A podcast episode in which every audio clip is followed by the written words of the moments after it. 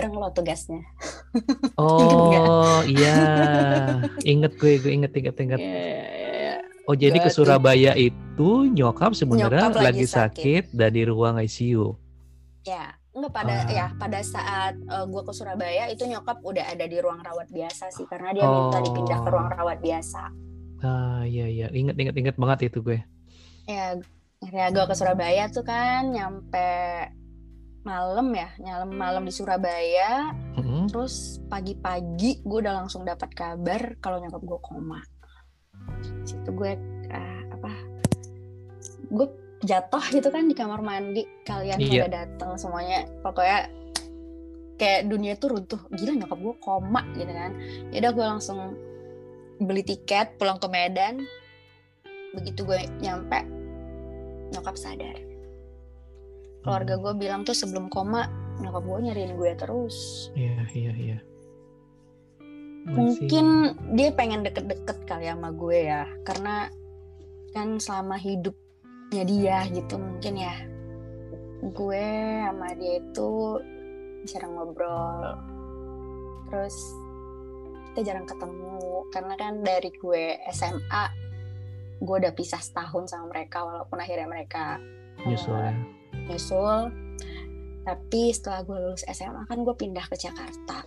Iya. berapa belas berapa belas tahun gue di Jakarta sampai akhirnya nyokap sakit kayak gini gue biasanya kan pulang cuman lebaran gue pulang. Tapi itu kan cuma beberapa hari. Ya udah. Dia cuma nyariin gue.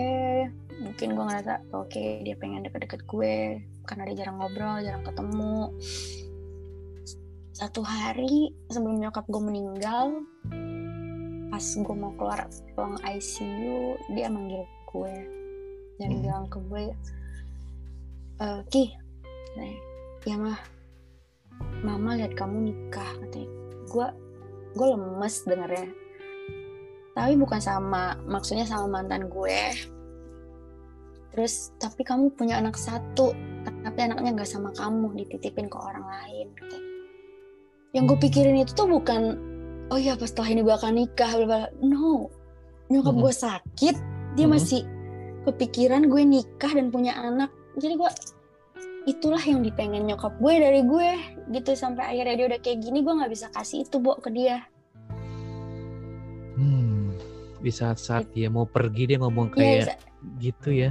ya di saat dia mau ninggalin gue dia ngomong kayak gitu ke gue berarti kan emang harapan dia selama ini ke gue tuh itu sampai akhirnya di akhir hayatnya dia pun gue nggak bisa kasih itu ke dia gitu mungkin itu juga yang jadi beban di gue sampai sekarang I see. Ya, ya, ya, ya. mereka nggak pernah puas sama gue karena mereka pengen gue nikah dia mereka pengen punya cucu mungkin dari gue gitu tapi sampai nyokap gue meninggal gue nggak bisa kasih itu Hmm. Itu yang bikin gue sedih banget sebenarnya ngedengar kalimat terakhir nyokap gue itu adalah kalimat terakhir dari nyokap gue ke gue sebelum dia akhirnya koma lagi dan meninggal di Nah, Ya. kita lanjut ceritanya. Iya, jadi ingat waktu di Surabaya sih Ra, jadi waktu di telepon lo nggak bisa-bisa, ini orang ke mana gitu. Gue panik Iya. kan, sampai gue gedor kamar, Ra, Ra, Ra, buka, kenapa? Dan gue ngeliat lu kayak, aduh nggak bisa ngebayangin. Gue juga panik. Oke Ra, apa yang bisa gue bantu? Dan lu cerita, oh my god, ternyata kayak ya gitu. untungnya Ra. sih gue bareng sama kalian dan alhamdulillah kalian yang take care semuanya.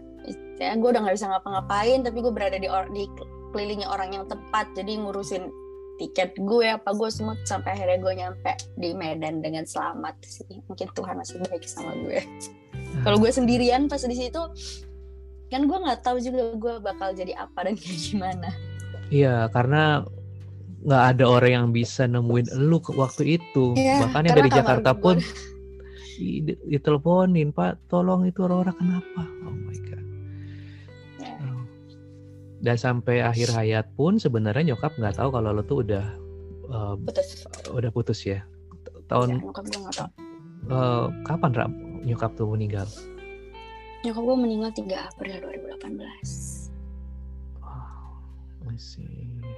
ya tapi di hari-hari nyokap gue sakit itu ada satu cowok yang lumayan intens ngobrol sama gue. Mm-mm. cowok yang nggak nggak pernah ngobrol sama gue sih. Sebenarnya dia teman gue teman lama gue. Tapi eh, tiba-tiba aja gitu jadi intens ngobrol. Terus pada saat itu sih gue ngerasa dia peduli ya sama gue gitu. Mm. sampai akhirnya yang di 3 April 2018 itu nyokap gue meninggal. Oh my god dunia tuh kayak runtuh buat gue kayak Mm. nyokap gue nggak ada? Gitu. Kayak antara masih percaya dan nggak percaya tuh kayak kosong gitu ya. Gue nggak tahu harus ngapain. Bahkan ya kalau tahu nangis pun gue nggak nangis. Nggak nangis gue sama sekali. Di Mm. sebelah jasad nyokap gue gue cuman berdiri ngeliatin nyokap gue. Adek gue udah nangis jejeritan kayak apaan tahu gue cuma diem bengong nggak tahu ngapa-ngapain Dan apa pada saat itu memang lu di paling rendah dalam apa ya hidup lu ya Iya. titik rendah Nah, itu mungkin bisa dibilang titik terendah dalam hidup gue karena itu semua eh, datang barengan kayak nguji gue banget gitu nguji kesabaran gue banget tuh di situ gitu tapi gue harus tetap kuat gitu. Tapi momen nyokap gue nggak ada itu itu benar-benar kayak gue kayak nggak punya arah jalan hidup. Kayak gue kayak gue hidup buat apa lagi sih gitu. Tujuannya apa? Iya iya. Karena udah kayak nggak ada yang dituju aja gitu. Kosong. Nggak bisa mikir apa-apa. Dan datanglah si cowok yang gue bilang tadi. Mm-mm. datanglah si cowok yang gue bilang tadi dia bilang dia suka sama gue mau serius sama gue pengen nikah sama gue. Hmm. ya mungkin pada saat itu kayak gue bilang gue kayak hampa gitu ya. Nggak punya tujuan apa apa gue percaya aja tuh ngomongannya. Gue yain Hmm. lalu Gua terus terus. terus gue gue LDR tuh ya sama dia. Sebenarnya sih eh, apa? Gue LDR sama dia hampir satu tahunan ya. Dia di mana Ra? Dia di tanah kelahiranku. Oh Padang apa? Padang Sidimpuan. Yes. Sebenarnya kenapa gue ceritain ini? Karena ya ini semua ceritanya tuh eh, ber bersangkut paut Iya, gitu sangkut, relate banget. pautnya gitu related semuanya. Iya. kenapa akhirnya gue kayak gini? Gue LDR sama dia setahun. Kan karena hubungan gue serius tuh sama dia akhirnya gue mutusin lah untuk mutasi ke Medan ya I see. Supaya gue bisa lebih dekat satu sih sama keluarga gue. Iya. Terus pindah deket sama dia juga kan karena ya hubungannya kan serius gitu toh. Kalau emang serius ujung-ujungnya gue ke Medan juga gitu ya. Mm-mm. guess what? Satu tahun eh satu tahun satu minggu sebelum gue berangkat ke Medan gue dapat kabar tentang dia yang bikin gue benar-benar kecewa apa tuh betrayal Hici, hici di ngome. oh Lo bayangin dong, gue udah mutasi ke Medan. iya iya iya iya iya Itu gue baru, nyokap gue baru meninggal. Terus dia datang, itu gue baru mau menata hidup gue kembali. dan seminggu And lu then- mau berangkat Seminggu gue mau berangkat, oh my god, gue dihianatin lagi. I see Itu kayak pondasi yang lagi gue susun diruntuhin lagi. ambrukin lagi Tapi mau gimana lagi? Ya udah singkat cerita Tapi- gue sama dia putus. tapi lu tetap me- ah, pada akhirnya memang harus ke Medan kan Ra pindah Yes, gue pada akhirnya harus ke Medan karena gue kan ke Medan bukan eh, hanya dia doang gitu kan, Iya. ada keluarga gue di Medan dan gue Iya. emang pengen lebih dekat sama nyokap gue juga gitu. Ya walaupun sebenarnya kalau bisa dibilang pada saat gue denger kabar itu sih gue pengen, oh my god gue mau di sini aja gitu. tapi nggak bisa lagi Nggak bisa, mungkin ya gitu. Sebenarnya Oh sih bisa God. aja ya, cuman kayak lo apa ya? Ada malu juga mungkin di situ ya. Kok lo lo udah minta pindah terus lo balik lagi itu kan gue harus menceritakan ke orang kenapa gitu Ya, dan lu juga tipe orang yang sebenarnya strong dari awal.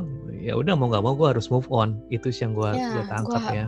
ya gue pergi lah akhirnya menjejakkan kaki di kota Medan yang Dan situasinya- ya Situasinya udah udah lu udah sendiri nggak sama dia kan?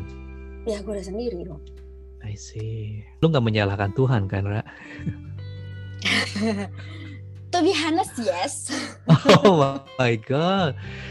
Ya ya ya ya. Iya sih kalau dari cerita lu nggak bayangin pun gua gua nggak nggak berani dan nggak bisa gitu dan eh, ya gue karena gue nyesel karena sampai nyokap gue meninggal gue nggak bisa menuhin keinginannya terus kok gue diujinya gini banget salah gue apa yang kayak gitu. Gue sempet nyalahin Tuhan. Hmm, kenapa dia ambil nyokap gue? Oke. kenapa dia ambil orang-orang yang gue sayang? Kan ibarat tuh dia ngambil semua orang yang gue sayang tuh. Dia ngambil cowok gue yang pada saat itu gue sayang. Iya. and then nyokap gue meninggal dia ambil nyokap gue and then pada saat itu setelah itu gue menjalin hubungan dengan seseorang lagi dia ambil lagi orang itu dari gue gitu gue Hmm. nyalahin Tuhan Hmm. Wow. gue gue sempet mikir lo mau apa sih dari gue lo mau apa dari gue gue sudah berusaha yang terbaik di hidup gue kalau lo pikir kan kayak gitu kayak gue Iya. hijrah mm-mm. gue hijrah menjadi orang yang lebih baik lagi Tapi ternyata ujian lebih berat. ujiannya lebih berat dan gue berusaha tetap kuat berusaha tetap kuat tapi kenapa itu semakin datang bertubi-tubi Hmm. ya tapi gue ya kembali memanage hati gue pada momen itu yes gue menyalahkan Tuhan tapi momen gue buka hijab itu gue tidak mau menyalahkan Tuhan Oh, oh, oh, jadi pas lu ke Medan, akhirnya lo memutuskan Gua- untuk membuka hijab. No gue gue masih pakai hijab kak setelah di Medan kan Oh. gue masih berusahalah menjalani hari-hari gue sebaik-baiknya di apa di kota Medan gitu Ah, ah, ah. walaupun cobaan datang terus terus ditambah lagi tuh keluarga gue selalu nanya mana cowok lo kapan lo nikah lo harus jadi gini dong lo harus jadi gitu dong gitu Gue benci Aduh. banget kalau ada orang tanya-tanya kayak gitu tuh.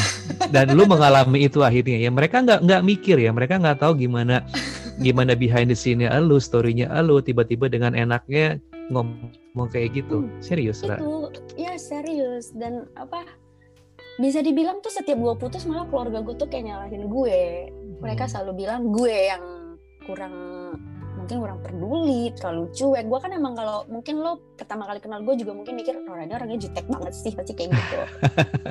Petakilan. yes. Mereka bahkan nyalahin gue loh kalau gue putus dari cowok gue gitu tanpa mereka mencari tahu apa yang sudah gue lakukan dan apa yang dilakukan cowok itu. Mengenai pengkhianatan cowok gue yang terakhir aja tuh gue nggak cerita ke keluarga gue sampai lama ya. Gue nggak ada cerita ke mereka Dan gue tutupin. nggak- lo masih nggak- masih lo masih masih lo masih masih. Wah, karena malu bo. Udah mau nikah tiba-tiba nggak jadi. Maksudnya Iya. tiba-tiba ya gitulah. Kan malu apalagi di kampung. Jadi bahan Iya. omongan loh. Di ya uh-huh. begitu lu pindah ke sana udah pasti hidup lu hampa dan lu ngapain tapi lu, har- lu harus move on Ah, ada nggak sih sela-sela maksudnya tadi kan eh, pelajaran yang lu ambil apakah ada ada seseorang yang datang lagi untuk approach lu gitu atau siapa pun yang bisa bikin lu akhirnya cerita ada nggak Ra? Hmm, setelah gue putus dari cowok gue yang terakhir itu sih bisa dibilang hampir nggak ada ya gue deket Hmm. sama cowok dan nggak kepikiran sedikit pun untuk uh, punya pacar lagi gitu lah. Gue cuman berteman dengan ya teman-teman gue uh, terus apa namanya gue nikmatin hidup gue. Gue mikir gue kayak ngerasa cukup deh. 30 tahun hidup gue berusaha ngelakuin yang terbaik buat orang-orang bahkan sampai mengesampingkan kebahagiaan gue. Yes. nurutin yang ya nurutin yang orang mau selalu salah di mata orang-orang pada gue udah ngelakuin yang terbaik buat bahagiain mereka. Terus ya gue oke it's time untuk gue mikirin diri gue sendiri Iya. Nah di situlah momen gue, oke, gue pengen lepas hijab gue. Berarti Nah, belum gua- lama ya? 2020 ya? 2020 gue lepas hijab gue baru-baru ini. Nah saat gue ngelepas hijab gue sih yang kayak kata lo banyak orang yang ngomongin gak sih ini, sebenernya apa segala macem. Mayoritas sih sebenarnya teman gue ngargain keputusan gue ya, tapi ada Hmm. juga yang judging. Hmm, netizen ya Tapi- biasa. Yes, but I don't care. Yes. Buat gue agama itu eh, menghakimi gue dengan perbuatan gue ini, Mm-mm. dia pun orang yang tidak lebih baik dari gue gitu loh. Teman dekat lu, saudara? Ya temen Atau- gue.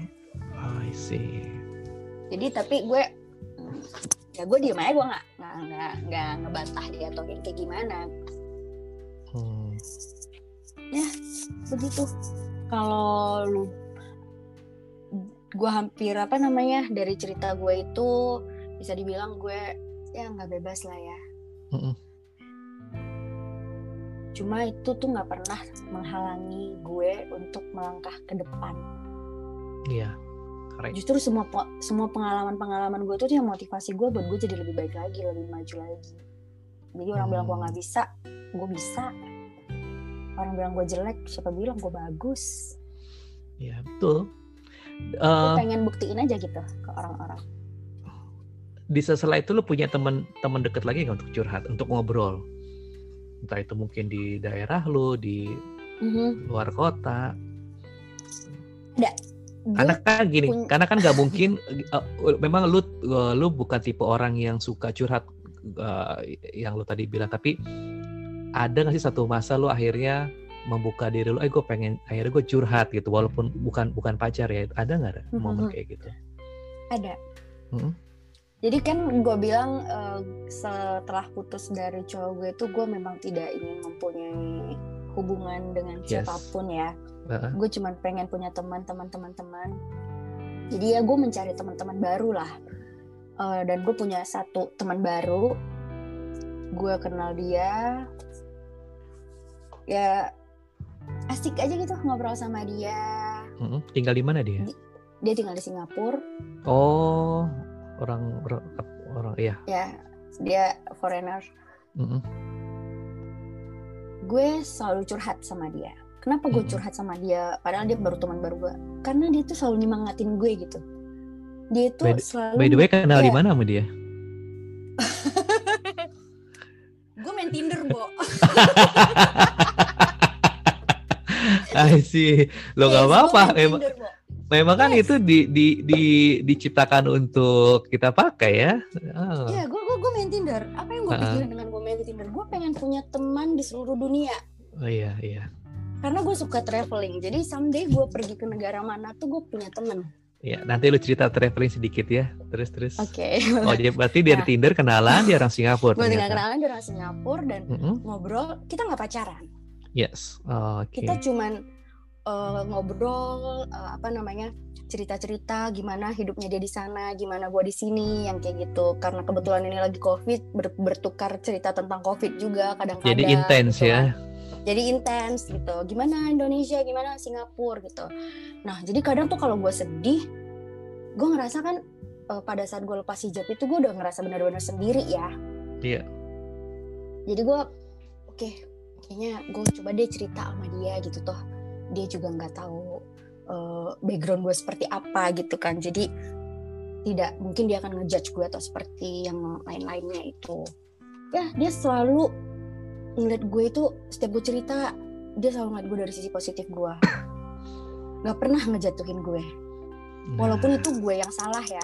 Walaupun itu Ya. misalnya eh, sifa- sikapnya itu tuh gue yang salah tapi dia selalu tuh kayak punya cara sendiri untuk kasih saran tapi tuh nggak ngejudge I see. walaupun kita sendiri yang salah gitu kalau biasanya kan kalau kita yang salah lu sih jangan kayak gitu dong gitu. no dia nggak pernah ngelakuin itu jadi dia awalnya tuh pasti selalu bilang kalau gue tuh ada sesuatu yang positif dari gue and then baru dia menasehati hal yang salah dari diri gue itu Oh, baru tahu. Jadi dia melihat sisi orang itu Iya, dia bukan selalu dari sisi positif gue. ya. Kalau kalau gue bilang itu berarti self esteemnya yang dia lihat ya. Ya, terus, dia terus. selalu kayak jadi dia selalu menyemangati gue gue tuh orang yang sensitif ya apa-apa pakai Mhm. hati gampang Mhm. banget kecewa terus gue pernah cerita sih dikecewain sama sahabat gue Mm-mm. mungkin dia tipe orang yang cuek juga ya Eh, dia cuma bilang gini how many population in Indonesia dia bilang berapa orang sih penduduk Indonesia? Lu jawab. Gue bilang ya sekitar 268 juta lah kayaknya gitu ya. Ah, terus yang bikin lo sedih apa? Lo tuh masih punya kesempatan menjalin pertemanan dengan 266 juta ribu orang whatever lah itu di sana nanti kayak gitu. 267 kali. Oh, Oh, dia, 267. dia bilang gitu, Ra. yes lo kepikiran gak orang nanya kayak gitu Jadi kalau gue boleh ulang lagi, begitu dia jawab, dia nanya berapa orang populasi di Indonesia, lo jawab 268 juta. Terus lo ngapain sedih? Masih ada 267 orang. Iya masih ada 267 orang yang bisa lo jadiin teman katanya. Ya juga sih kan mikir Iya gitu juga kan. sih. Gila terus Biasanya kalau kita cerita kayak gitu ke teman kita kan, gue sedih nih, teman gue gini-gini. Oh Ya sabar ya, you you are not aja. alone gitu. Iya. itu itu itu kalau gue ada namanya itu namanya toxic uh, positively gitu di mana pada Iya. saat itu sebenarnya bahwa lu tidak butuh dukungan seperti itu yang lu butuh adalah bahwa lu dengerin aja ya kan Yes. lu dengerin aja uh, si Rora yang mau curhat apa gitu dan dia nggak butuh kata penyemangat nggak butuh kata you are not alone terima aja berjalan baik it's a bullshit itu basi tapi Yes. yang dia, dia yang dia bilang begini lu pasti mikir iya juga ya ada Iya masih ada juga, 267 Heeh. ah, Kenapa gue harus repot dengan satu orang gitu? Gue harus repot mikirin satu orang yang nggak peduli sama gue. Gue masih punya chance itu 267 untuk jadi gue jadiin teman gue gitu. Oh iya bener juga ya. Kayak ya gue kayak gue ketemu sama dia jadi temen sama dia gitu kan itu kayak iya kok bisa gitu. Iya. Jadi maksudnya dia gitu ya lakuin aja yang bikin lo bahagia gitu. ah, Dia lakuin nggak apa bikin lo bahagia ya oke terus terus Terus gue karena pengalaman gue terakhir nggak baik, terus kayak gue bilang gue jomblo tuh lama banget, gue takut berbuka hati gue sama cowok. Setiap mulai deket sama cowok tuh gue mulai insecure ya. Jadi nggak ada hubungan yang serius yang gue jalanin. Itulah Mhm. hidup gue yang lo lihat di sosial media gue selama ini. ah Aurora yang sendiri tidak punya siapa-siapa menikmati hidupnya yang ya hidupnya yang baru. Berarti kalau gue boleh uh, uh, tangkap sedikit titik kebangkitan lu waktu lu berangkat ke Jepang. Ya Nggak juga. bisa dibilang gue udah mulai mikir sih di situ ya. Ah, Gue mulai mikir di situ apa yang gue mau gitu. Apakah yang harus gue lakuin untuk ngejalanin hidup gue ke depannya lagi. Gue nggak boleh terus-terus terpuruk seperti ini gitu kan. Itu gue mulai kayak apa hijab gue ini eh, apa gue udah siap atau belum yang kayak gitu kan karena dilihat hidup gue juga masih yang nggak baik-baik banget gitu kan Iya. ya yang mulai di Jepang itu gue udah mulai mikir sih mm-mm. karena kan eh, after dari Jepang eh, baru gue ke Medan yang bertubi-tubi itulah datang Mhm. permasalahannya itu lagi yang membuat gue drop down banget bener-bener kecewa sama siapa pun ya bukan cuma sama cowok ya semua orang-orang di sekitar gue gitu sampai akhirnya gue memutuskan sendirian aja gitu walaupun ada teman-teman baru di sekitar gue yang support gue tapi gue sendiri gitu Oke. Jadi semenjak kenalan dengan orang Singapura itu udah nggak ada lagi cowok yang nyantol di hati, Ra. Yang nyantol di hati ya. Lo pikir jemuran nyantol. Ya kali, jadi setelah dapat ketemu Mario Teguh versi Singapura, tiba-tiba oke lo membuka diri lagi gitu, nggak ada. kalau sama yang di kalau yang di Singapura kan gue ya membuka Betul, hati betul. untuk berteman ya. Yes, Tapi iya. kalau sebenarnya kalau untuk hubungan yang serius gue jalanin sih kan gue bilang nggak ada. Cuman pas ada sih eh, belakangan ini tiba-tiba tuh ada aja cowok gitu ya nge-add IG Ah. gue. Kan ah. ya biasa sih nge-add nge-add gitu ya biasa IG lu di private nggak IG. sih? enggak enggak di private kan traveler Tahu ah, terus terus. terus and then dia nge-like tuh foto-foto IG gue Serius semuanya almost ya get attention kayaknya ya. makanya dia pengen diperhatikan terus oke gue kasih Terus terus. gue ngechat dia bilang thanks sudah nge-like foto gue gitu Orang kan. Indonesia? ya Indonesia Ah, orang terus terus. Indonesia Nah, orang Indonesia nah dari situ ya udah tadi gue mikir sih gue ngechat apa enggak nih karena biasanya tuh cowok-cowok yang ngechat di IG gue tuh suka kayak apa sih kayak cowok kecakepan atau apa gitu yang bikin gue Hai cantik, hai boleh kenalan gak? Hai boleh ini nggak? Kan nggak asik banget ya kayak gitu, nggak kenal, ngajak ketemu. Aduh, gue bukan cabe-cabean lagi yang bisa lo kayak meracun gitu ya. kan. gue udah maknya cabe-cabean. Tapi mungkin, mungkin karena cowok ini beda juga gitu kali ya. Dia cuma Ah, get attention dengan nge-like foto-foto gue, dia pengen gue yang perhatiin dia gitu kan mm-mm. Oke gue kasih dia perhatian. Gue gue beraniin diri buat ngechat dia. Makasih gue bilang kayak gitu udah nge-like foto gue. Nah dari situ gitu kan kita ngobrol ngobrol. Nggak tahu asik kayak gitu ngobrol sama dia kayak kita udah kenal lama. Mungkin sama-sama karena sama-sama orang Batak juga kali ya Medan gitu kan. Iya. jadi terus dia tapi lama di Jawa juga. Jadi ngobrolnya tuh kayak nyambung aja gitu.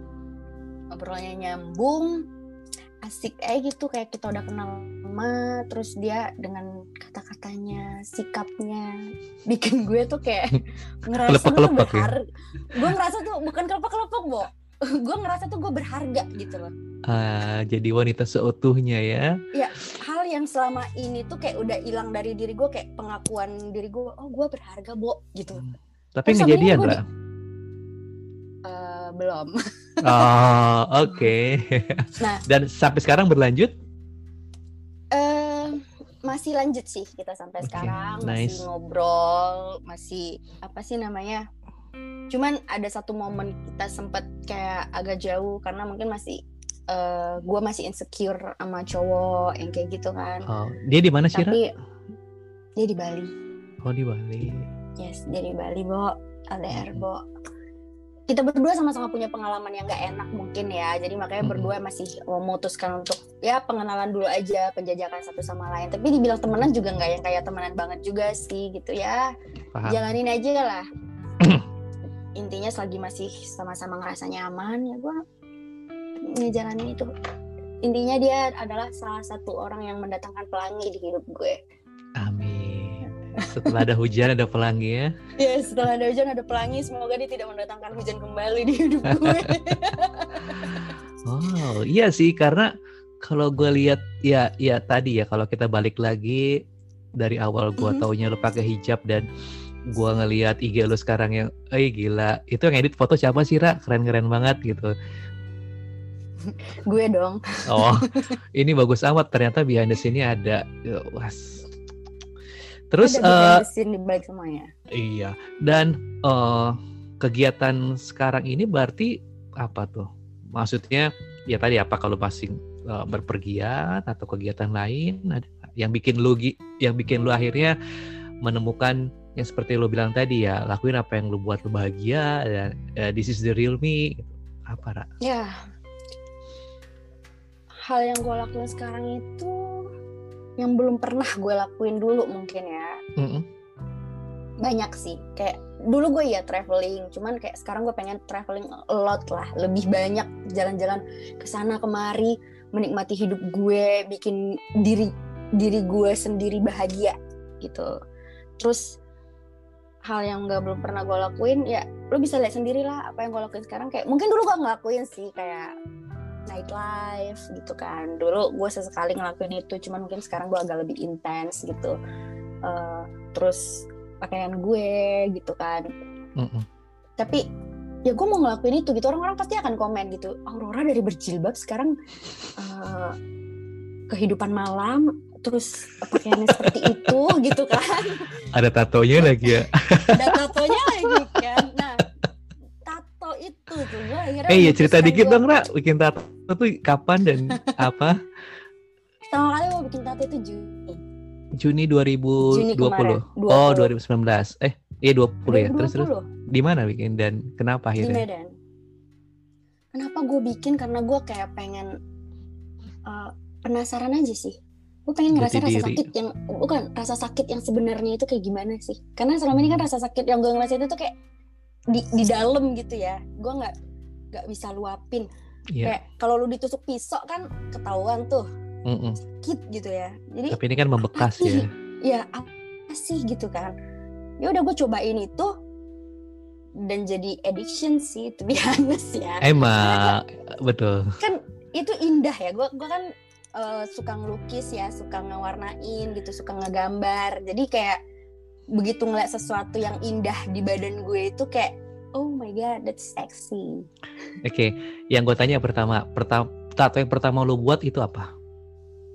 satu yang pertama kali buat itu adalah eh, tulisan sih Di letaknya? Kalau boleh di tahu? rips di rips gue Oh, ribs. Yes, Berarti yang kedua itu tulisan. deket punggung ya? No, yang kedua ada di rips gue juga. Gue punya dua di rips gue, tulisan Oh. dua-duanya. Total berapa sih, Ra? Satu, dua, tiga, empat, lima sekarang. Ada lima.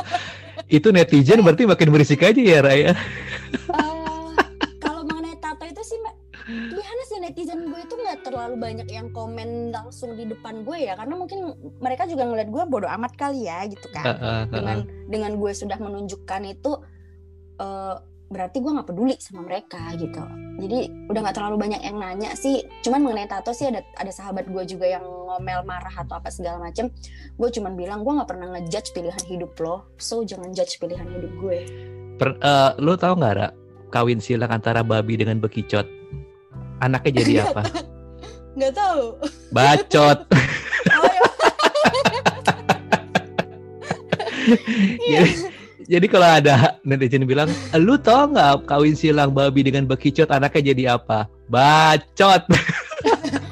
Nggak tapi ada satu sih komen netizen yang bikin gue bener-bener agak naik Sepaneng. eh, da- darah ya. Karena dia bilang kayak gini ke gue, "Eh, Mbak, mbaknya lebih cantik dan lebih bagus sepertinya kalau pakai hijab kata dia gitu ya. Ah, Gue buk, terus gue buka profil Instagramnya, eh, eh. dia nggak pakai hijab, Bo. Temen lu atau netizen? Enggak, enggak tahu gue. Terus gue cuman gue cuma balas gini, sebelum lo ngurusin hijab gue, urusin hijab lo dulu. Gue bilang, Ah. Ya bener dong dia nggak pakai hijab ngapain ngurusin hijab gue? Oh, I see. Dia nggak pakai hijab ngapain ngurusin hijab gue gitu.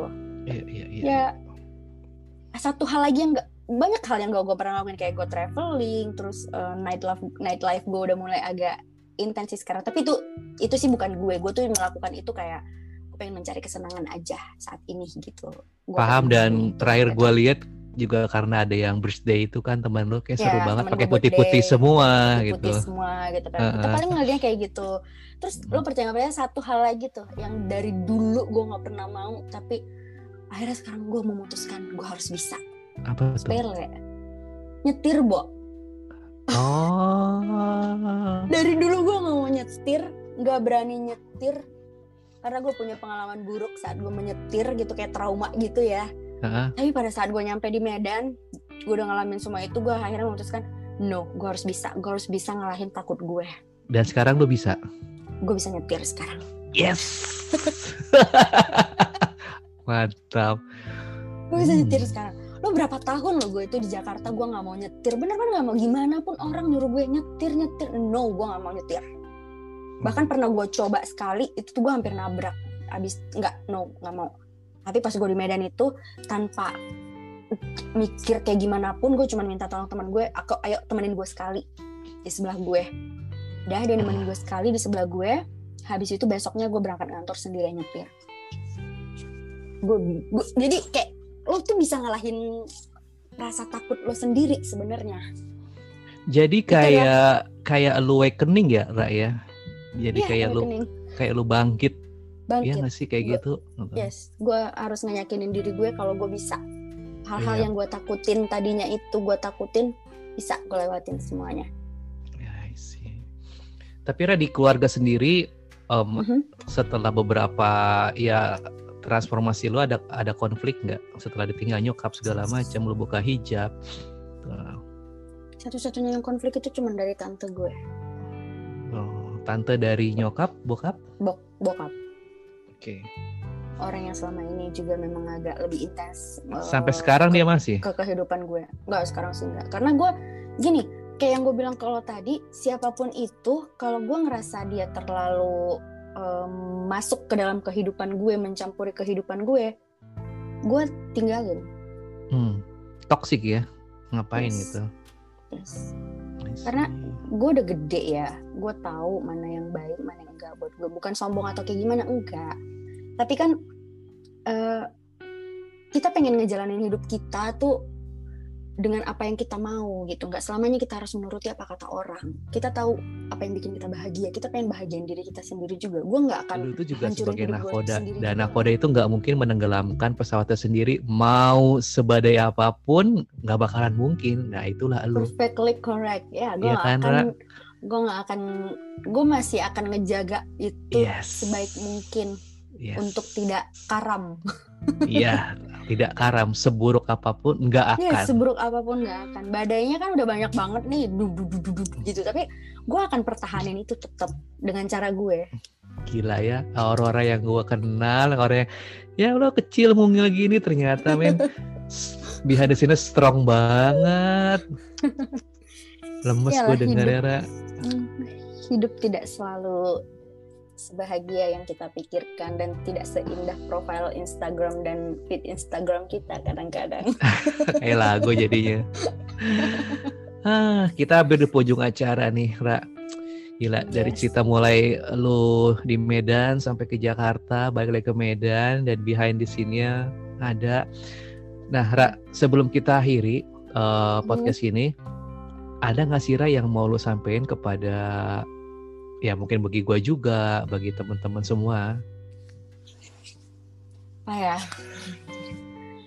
Gue sih cuma pengen ngasih tahu aja uh, buat kalian-kalian semua yang masih punya nyokap, punya orang tua lengkap maupun yang nggak lengkap ya. Hargainlah setiap detik kesempatan yang Tuhan kasih ke kalian untuk bareng sama mereka bareng orang tua kalian. Jangan sampai kayak gue. Nyesel ya sih, pasti gue nyesel. Kenapa gue gak banyak waktu sama mereka. Tapi kalau udah kayak gini kan gue udah gak ada gunanya. Penyesalan gue itu masih berlanjut sampai sekarang yang itu yang harus gue, gue perjuangin jangan sampai ngejatuhin diri gue lagi.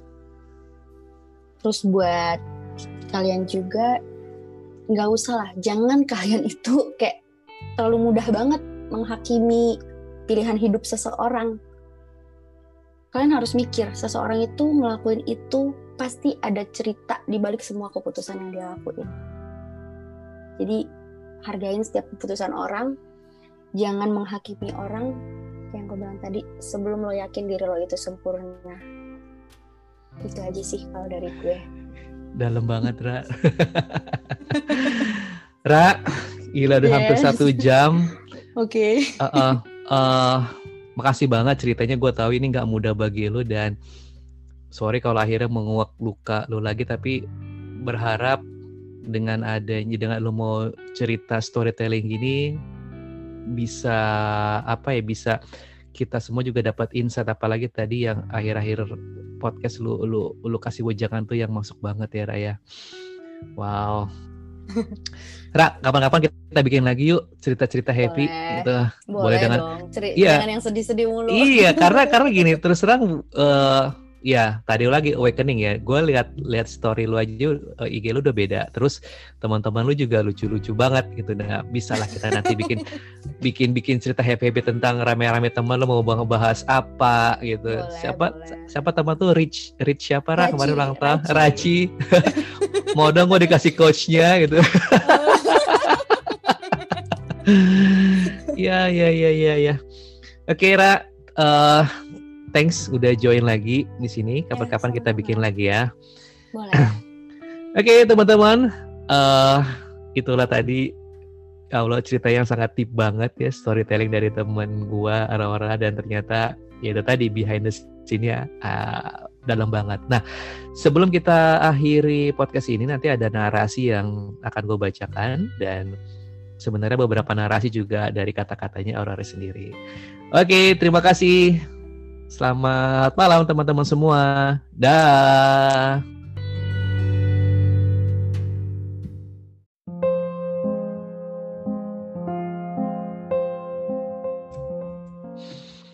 Enam dasar emosi manusia yaitu bahagia, sedih, takut, jijik, marah, dan kaget. Kita diciptakan oleh Maha Pencipta untuk merasakan itu semua dan kita bukan sebongkah robot. Jadi, Kenapa kita harus malu atau memendam emosi itu semua? Sama halnya di kehidupan yang memiliki tiga sisi. Coba tengok foto hitam putih kalian. Apa kalian yakin hanya ada warna hitam dan putih? Walau samar, pasti terlihat ada abu-abu. Baik bagi kamu, belum tentu bagi saya. Buruk bagi kamu, Siapa tahu indah di mata saya. Hina bagi kamu, tapi suci di saya. Dan cengeng menurut kamu, namun ternyata saya tegar. Semua tergantung oleh kamu, saya, kita, bagaimana menyikapi dan menjalaninya. Jadi, berbijaksanalah sebelum menilai orang, baik secara langsung atau melalui jari jemari kita yang lincah di atas keyboard. Kita harus sadar, pasti ada cerita pada diri seseorang yang orang lain tidak tahu. Kita harus mengerti tanpa harus menggurui keadaan orang itu. Baik hari ini, hari sebelumnya, atau mungkin hari yang akan datang. Terkecuali bila diri kita sudah sempurna seutuhnya.